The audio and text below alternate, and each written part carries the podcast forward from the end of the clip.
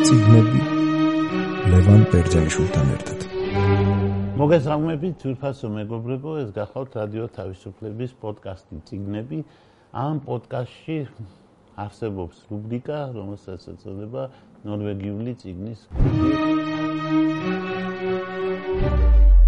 ჩვენ ბოლო ხანებში გავედით დასასრულისკენ სულ რამდენიმე ციგნი დაგვჭა განსახილველი და მე შემონახული მაქვს ასე თქვა ტკბილი ლუკმა, სერიოზული, ძალიან სერიოზული ტკბილი ლუკმა სემუელ ბეკეტის სახით.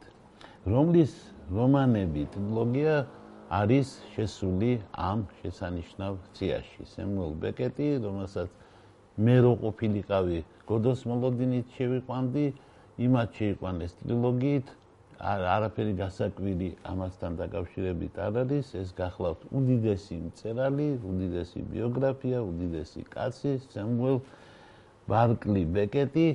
სოფლიო ლიტერატურის ისტორიაში არსებობენ ორენოვანი მწერლები, როგორიც იყო მაგალითად კონრადი, ჯოზეფ კონრადი, როგორიც იყო ჩვენი ავტორი სემუელ ბეკეტი, როგორიც იყო შესანიშნავი ავტორი ვლადიმერ ნაბოკოვი, მაგრამ ძალიან დიდი იშვიათობა. ბეკეტის ამბავი ის არის, რომ იგი არის ირლანდიელი მწერალი, რომელიც წერდა ინგლისურად და წერდა ფრანგულად. ასეთი რამ სხვა არ ვიცით, ეს სხვა შემთხვევა, ეს არა ის შემთხვევა, როდესაც ვიღაცა არის პოლონელი და მე ინგლისურად წერს, იმიტომ რომ ინგლისურად წერს ნახევარი მსოფლიო. და პოლონურად ნაკლები, მაგრამ აქ პირიქით იყო, ასე ვთქვათ, ინგლისური ენოვანი ავტორი, მე გახდა ფრანგულ ენოვანი და ამას აკეთებს სწორედ იმიტომ რომ გამომსახველობითი ხაზი შეცვალოს და უფრო გაუუცხოვდეს ენას, იმიტომ რომ რამდენადაც კარგად უნდა იცოდეს მან, უცხო ენა არის უცხო ენა და მშობლიური ენა არის მშობლიური ენა. სწორედ ადამიანის ფსიქიკაში ენებს შორის განსხვავება სწორედ ასე არის. ჩემი და სხვისი. ანუ უცხო ენები ყველა ერთია და ჩემი ერთი უპირისპირდება იმდენს. ამიტომ თურმე შეცდომას უცხო ენაში ჩვენ ჩავიდენთ არა მშობლიური ენის გავლენით, აგნომეთ იმ უცხო ენის გავლენით, რომელიც უკეთესად ვიცით. ამიტომ ქართველი თუ ფრანგულში ბოკუს მაგვირად იტყვის ბაკუს, მაგი იქნება აუცილებლად ეგ იქნება რუსულის გავლენით, რომელიც მან უკეთ იცის ვიდრე რო ვთქვათ. უკეთ შეიძლება იცოდეს ვიდრე ფრანგული. სემუელ ბარკლი ბეკეტი დაიბადა 1906 წელს 13 აპრილს და 1999 წლამდე იცხოვდა. ირლანდიელი მწერალი გახლავთ, პოეტი და დრამატურგი. ეს გახლავთ მოდერნიზმის წარმოადგენელი ლიტერატურაში. შემდეგ იგი მეორე ძალიან უცნაურ კაცთან, ასევე ორენოვან ავტორთან ერთად შექმნის აბსურდის თეატრს. ერთ-ერთი ფუძემდებელი გახლავთ აბსურდის თეატრისა ეჟენ იუნესკოსთან ერთად. ცნობილია თემ სოფლიოში თავისი პიესით გოდოს მოლოდინში ფრანგულად ეჟღერს ასე როგორც ატამდან გოდო გოდოს მოლოდინში. ერთ-ერთი ყველაზე მნიშვნელოვანი ტექსტი მეოცე საუკუნის ლიტერატურაში არა მარტო დრამატურგიაში ნობელის პრემიის ლაურეატი ლიტერატურაში 1969 წელს რომელმაც ცხოვრების განსაკუთრებით დიდი ნაწილი გაგიკვირდება და გაატარა ქალაქ პარიზში. გაგიკვირდებათ იმიტომ რომ ირლანდიელი ადამიანია და ინგლისურენოვან სამყაროში უნდა ეცხოვრა თითქოს, მაგრამ იცხოვრა პარიზში და იყო ძალიან ანგაჟირებული, ჩართული პროცესებში და სხვა იყო ლამაზი კაცი და მისი ცხოვრების ზოგიერთი მომენტი ძალიან მნიშვნელოვანია ადამიანისა და მწერლის რომელი ხარ ბოლოს და ბოლოს? შემოქმედი ხარ თუ ჩვეულებრივი ცოცხალი ადამიანი ხარ? ბეკეტის შემთხვევაში ეს საინტერესო და მნიშვნელოვანი შეკითხვაა მამამისი კაი შეძლების ფონე პროტესტანტული ოჯახიდან იყო, რომელსაც ჰქონდა ფრანგული ფესვები. აი საიდან არის ასე ვთქვათ ეს მისწრაფება ფრანგული ენისადმი მისმა წინაპრებმა დატოვეს საფრანგეთი კონტრრეფორმაციის დროს ნანტის ედიქტი რო გაუქმდა 1685 წელს რომელმაც ჰუგენოტები გამოაცხადა კანონ გარეშე ანუ ფრანგები არიან თურმე წარმოშობით გადასული ირლანდიაში.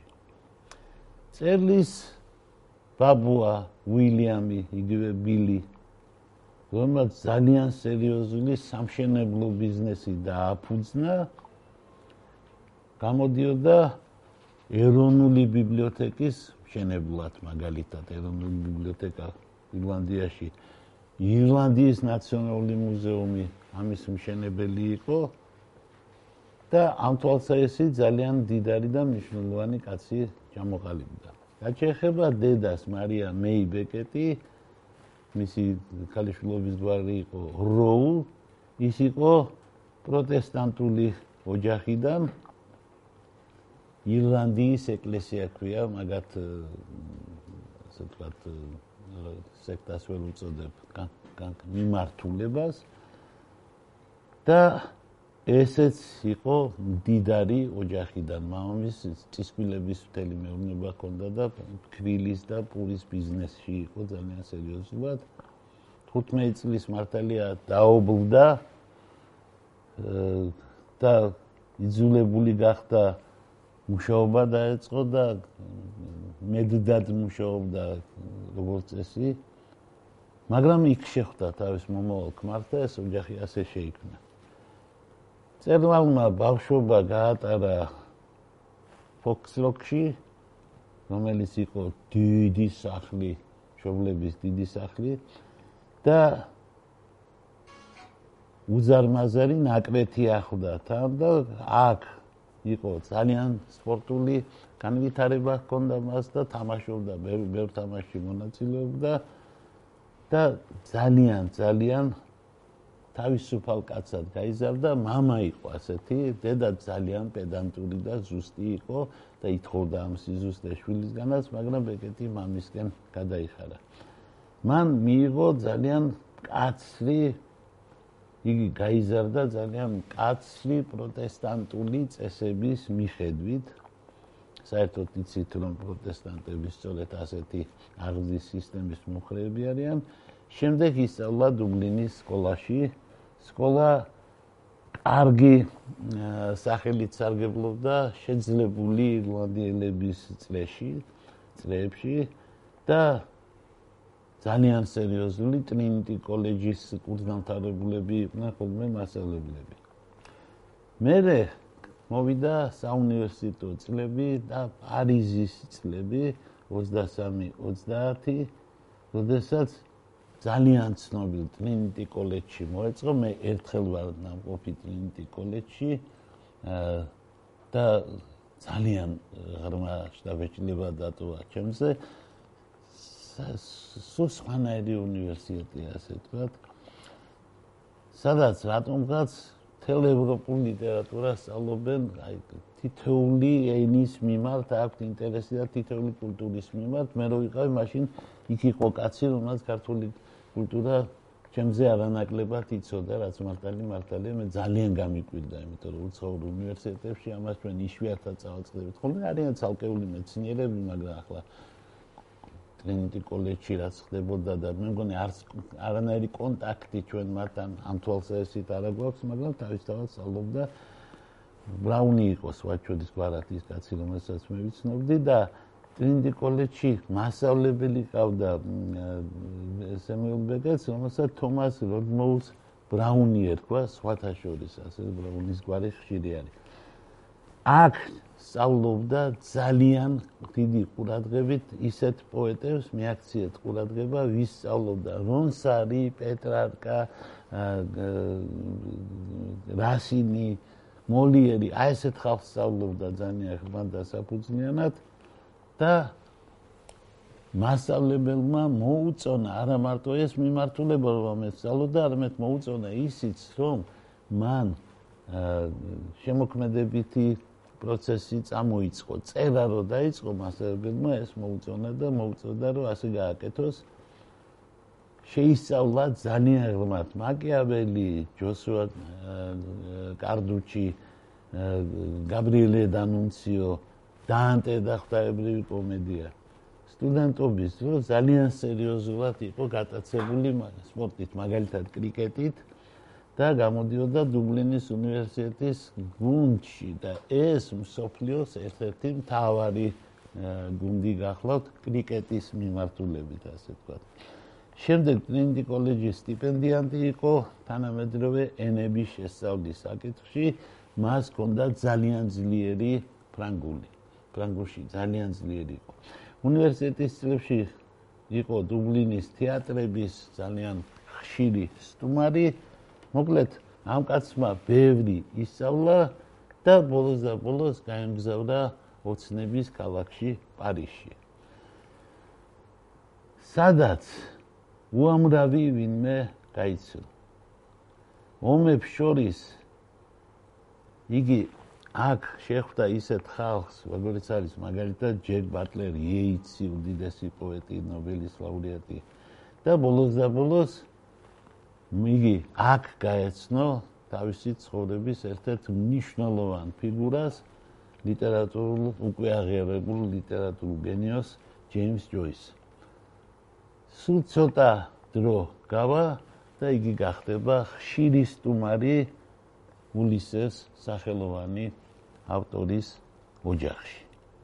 პირველი სალიტერატურო წამოწყებები მას ჰქონდა სწორედ პარიზში, სადაც ისე იგი ეცნობა ლიტერატურა, ესე იყო კაცი, რომელიც ლიტერატურაში არიან ძალიან ძალიან ციგნიერი ავტორები და ძალიან ძალიან უციგნური ავტორებიც. ზოგიერთი ყველაფერს კითხულობს და არაფრის საკითხვის არ ეშინია და ზოგიერთი არაფრის არ ხულობს იმის შიშით, რომ სხვა მასზე გავლენა არ მოახდინოს. ესე იგი ბრაუნი მას უკითხავდა ლექციებს ბალზაკზე, სტენდალზე, ფლობერზე, ჟიძზე, ბერგსონზე. ლექტორის სამუშაო ძალიან სერიოზული გახდა მისთვის და დაიწყო თვითონაც შესწავლა ბევრი რამის და უპირველი სკოლისა ძალიან სერიოზულად შეისწავლა რენე დეკარტის ფილოსოფია. ანუ ჩვენი მერაბ მამარდაშვილის გზას ადგა ახალგაზრდობაში, რა აი ასეთ რამეს სწავლობდა და ეს იყო მისი პირველი გამოცემული წიგნი ამასთან დაკავშირებით და მერე იყო კრიტიკული ესე პრუსტი, რომელიც მიეძღვნა დიდი ფრანგი მოდერნისტი მწერლის მარსელ პრუსტის შემოქმედებას.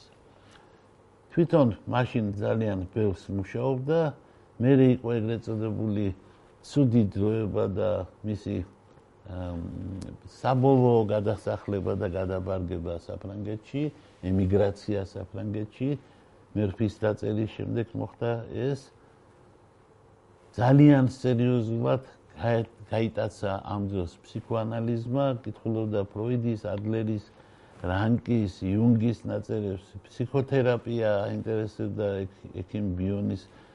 ეს ეხმარებოდა შეეცნო რა შეიძლება იყოს მისი განკურნების ასე თქვა გზა რომ შემოქმედება შეიძლება იყოს ძალიან სერიოზული წამალი ნევროზებისგან და კომპლექსებისგან გასათავისუფლებლად რაც მას აწუხებდა 34 წელს მან მოახერხა და გამოსცა მოთხრობების პირველი კრებული შემდეგ მუშაობდა რომანზე, რომელსაც ერქვა მერფი. შემდეგ წერილი მიწერა ეიზენშტეინს, მართალია მისგან პასუხი არ მიუღია. იმიტომ რომ უნდოდა რომ იგი მიეღოთ კინემატოგრაფიის ინსტიტუტში მსმენელად და სტუდენტად, ახლა საბჭო კავშირში ეკეთს რომ მიიღებდნენ, არ ვიცი რატომ ეგონა ასე, მაგრამ იყო მის ცხოვრებაში ასეთი მომენტი, ამას მოყვა მეორე მსოფლიო ომი. მან დაწერა რომანი უოტი.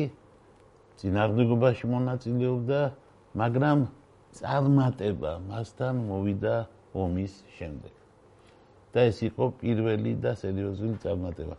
როდესაც იგი პარიზში ცხოვრობდა 1946-დან 50 წლამდე აგზელებდა მუშაობას პროზაზე. პატარა ნოველები ქონდა, ქონდა რომანები, მერსიე და კამიე, მოლოი, მელონი, გვდება და უსახელო. სწორედ ამ სამმა შეგვინა ტრილოგია და ამ სამი ნაწარმოებით შეიყვანეს იგი წერლებმა ნორვეგიული ციგნის კლუბში. ამავე პერიოდში, როდესაც სახელსა და დიდებას აღწევს პროზაში, მოვიდა გოდოს მოლოდინში და იგი საქვეყნოთ სახელგანთქმული კაცი გახდა. ეს რომანები, როგორც გითხარით, მოლოი, მელონი კვდება და უსახელო, გახლავთ მისი მთავარი ტრილოგია, რომელთაც ნამდვილად პროზაიკოსებზე დატოვა წარუშლელი შტაბშტილება. თუმცა, როგორც ვიცით, სოფლიოში მას უპირველეს ყოვლისა იცნობენ გოდოს მოლოდინში, აემის ავტორად. მოლოი არის მისი რომანი, რომელიც დაწერილია ფრანგულ ენაზე და შემდგომში მან თვითონ თარგმნა, მაგრამ დაიხმარა კიდე ერთი კაცი ინგლისურ ენაზე. მაგალითად, ლოლიტა ინგლისურადაა დაწერილი და რუსულად თარგმნა ავტორმა და სუნტყვილად არ დაიხმარა ვინმე რუსულენოვანი საქმე ის არის რომ ის ფლობდა იმენას რომელიც აღარ არის ახლა ანუ მას ბავშვობის ენა ახსოვდა რუსული განვითარდა მე და სხვაგან წავიდა მე-19 საუკუნის რუსულზე დაწერა ლოლიტა თარგმნა ლოლიტა და რა თქმა უნდა რუსული ლოლიტა ის არ არის რაც ინგლისური ქართული სხვა ჩვენის რუსულიდანაა თარგმნილი და ეს არ არის სწორი. ანუ ინგლისურიდანაც უნდა ითარგმნოს როგორც გითხარით, მოლოი მელონი კდება და უსახელოსთან ერთად ქმნის ტრილოგიას, რომელიც ითვლება მისი შემოქმედების, მისი პროზაული შემოქმედების აშკარა მწერლად. სიუჟეტი ძალიან მარტივია, შეიძლება ციგნი მოლოი შეგვიძლია გავყოთ ორ ნაწილად. იმიტომ რომ ორი პერსონაჟის მონოლოგია დაწერილი ცნობიერების ნაკადით.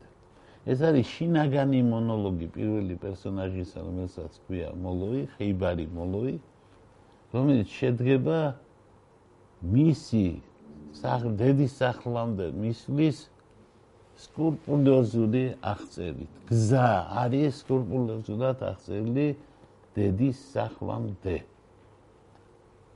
ამ დროს იგი სხვადასხვა წინაღობას წააწყდება უპირველეს ყოვლისა პოლიციელები დააპატიმრებენ ქუჩაში გაჩერების გამო საერთოდ საშიშად გაჩერების გამო იმის გამო რომ მანქანა დააჯახა ზაღლს მეზობლის რომელსაც ვაუსი ქვია იმის გამო რომ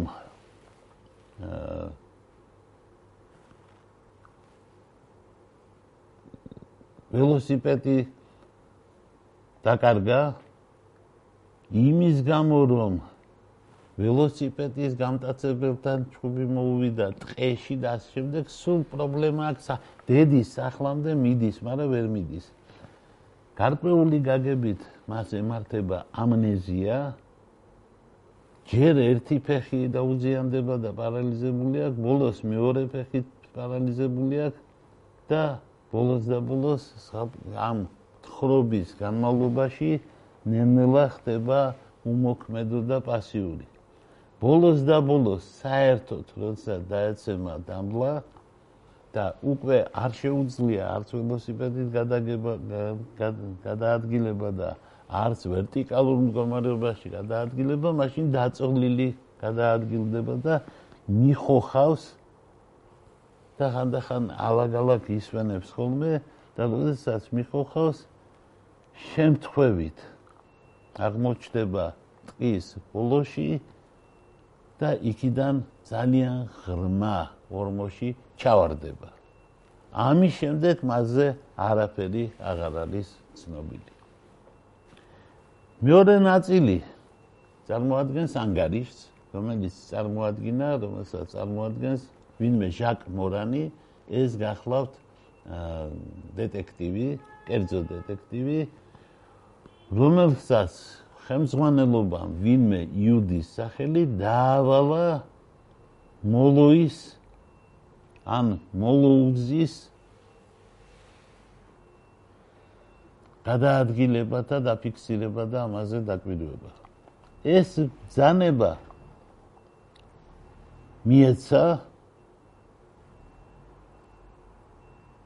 ამ კაც მორანს და მორანი ამ ბძანებას ასრულებს და არის აღწერილი რა როგორ არის და რა რანაირად იქცევა მოლოი. ის რაც ჩვენ მოვისმინეთ მოლოისგან, ახლა იქნება სხვისი თვალით დანახული და ძალიან საინტერესო ახლავთ.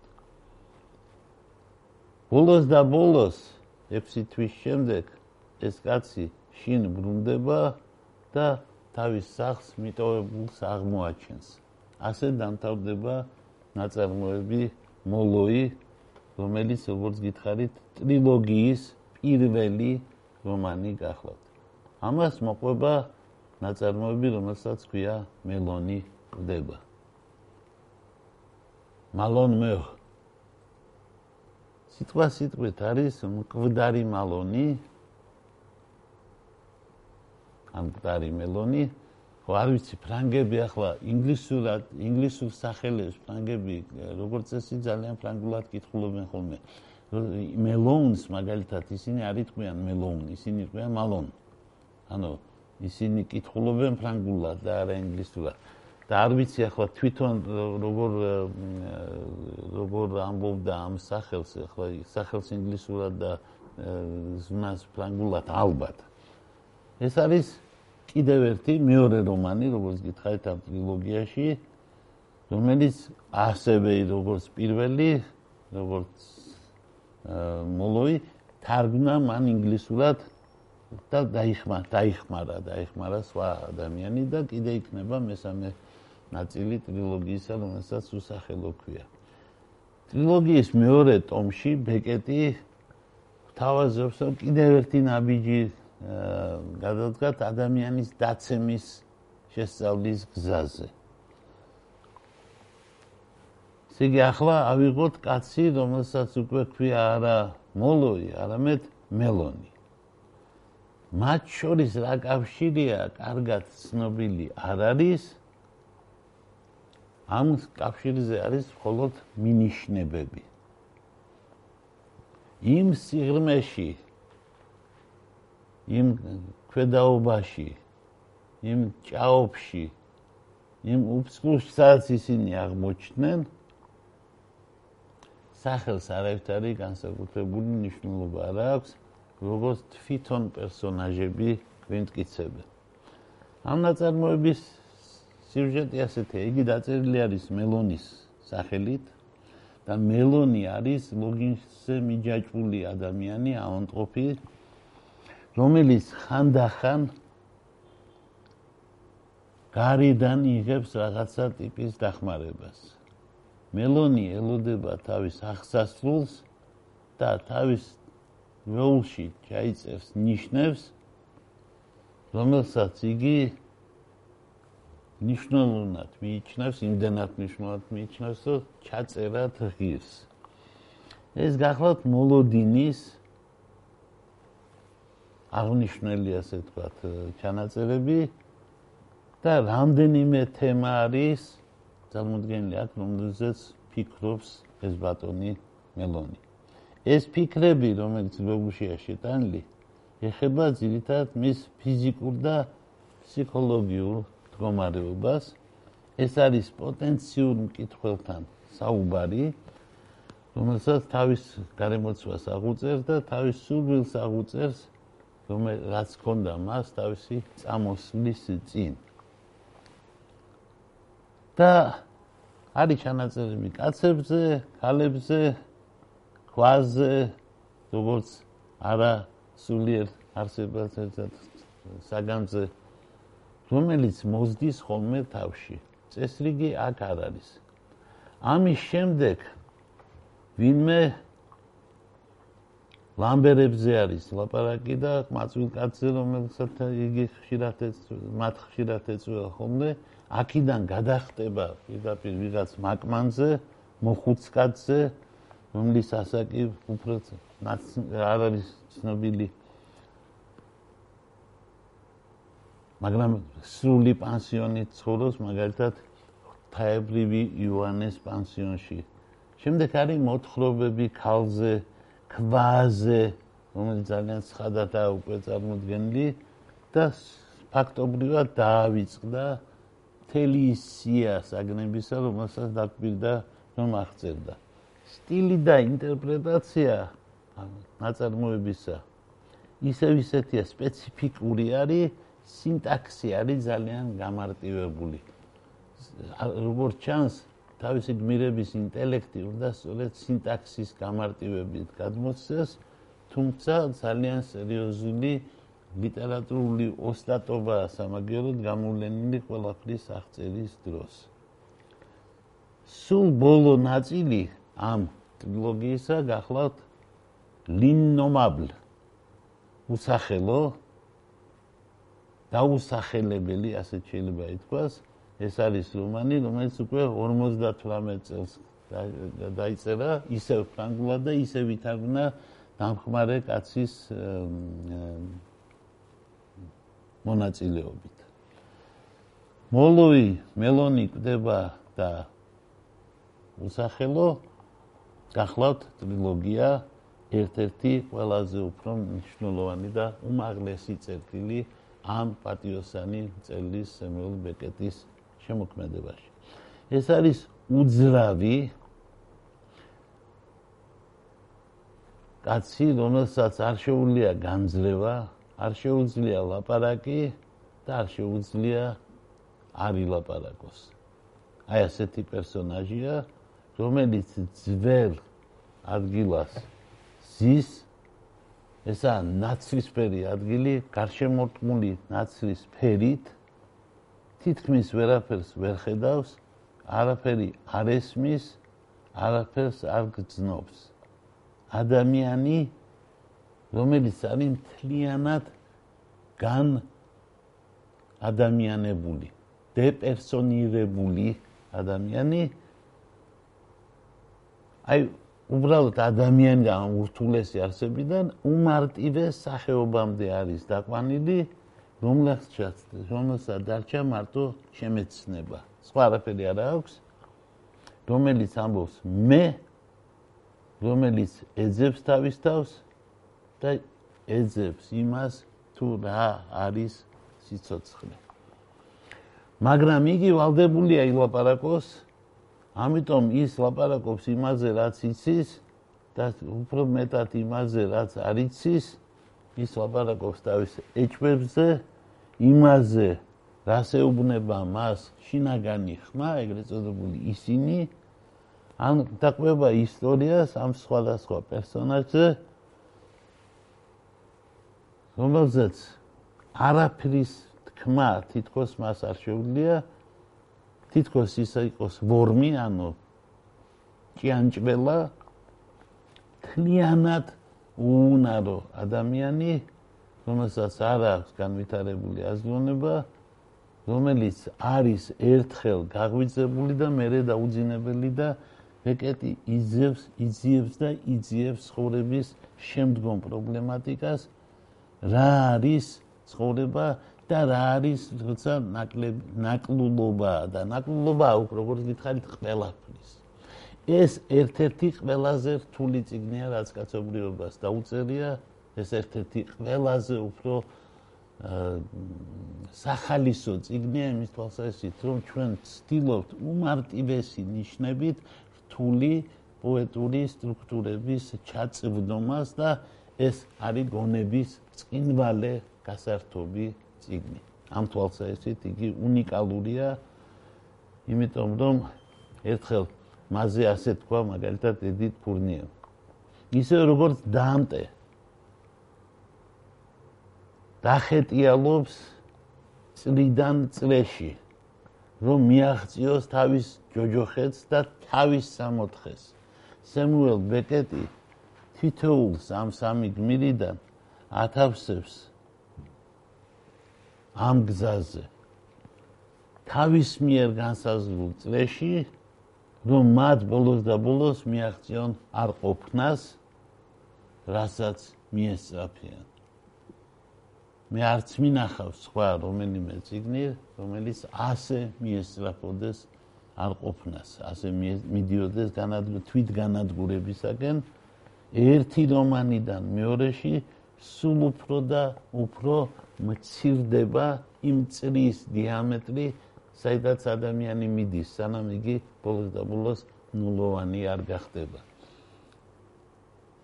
როგორც გითხარით ამ ციგმა სემუელ ბეკეტს, რომელსაც სახელი და დიდება ასევე მოუტანა გოდოს მოლოდინში ამ პიესამ, ამ ციგმა, მას ამ სამმა ციგმა მას განსაკუთრებული ინტელექტუალური წერლის ამბავი სახელი მოუტანა. ჯოისსა და ბეკეტ შორის, რა თქმა უნდა, როგორც ყველა ორ ირლანდიელს შორის, როგორც ყველა ორ ქართველს შორის, თუ რამე სადმე კონძულზე მაგალითად პარიზზე აღმოჩნდებიან, უნდა მოხდეს კონფლიქტი, მოხდა კონფლიქტი. მაგრამ კონფლიქტი იყო ძალიან მოულოდნელი მიმართულების. ჯოისის ქალიშვილს შეუყვარდა ბეკეტი, ბეკეტმა ჯოისის სულიერად აშლილი ქალის სიყვარული არ მიიღო და ამ ქალის აშლილობა ჯოისმა ბეკეტს დააბრალა, ბეკეტი უდანაშაულო იყო და ასე შემდეგ. ანუ დამთავრდა ირლანდიელთა მეგობრობა პარიზში. სასტიკის სიტყვებით მოიხსენია იგი ერთ-ერთ დავის გამოსვლაში ჯოისმა. რაც შეეხება ბეკეტს, ბეკეტი მასთან პირადად არა, მაგრამ საჯაროდ მასზე საუბრის დროს, რა თქმა უნდა, უფრო მორიდებული იყო.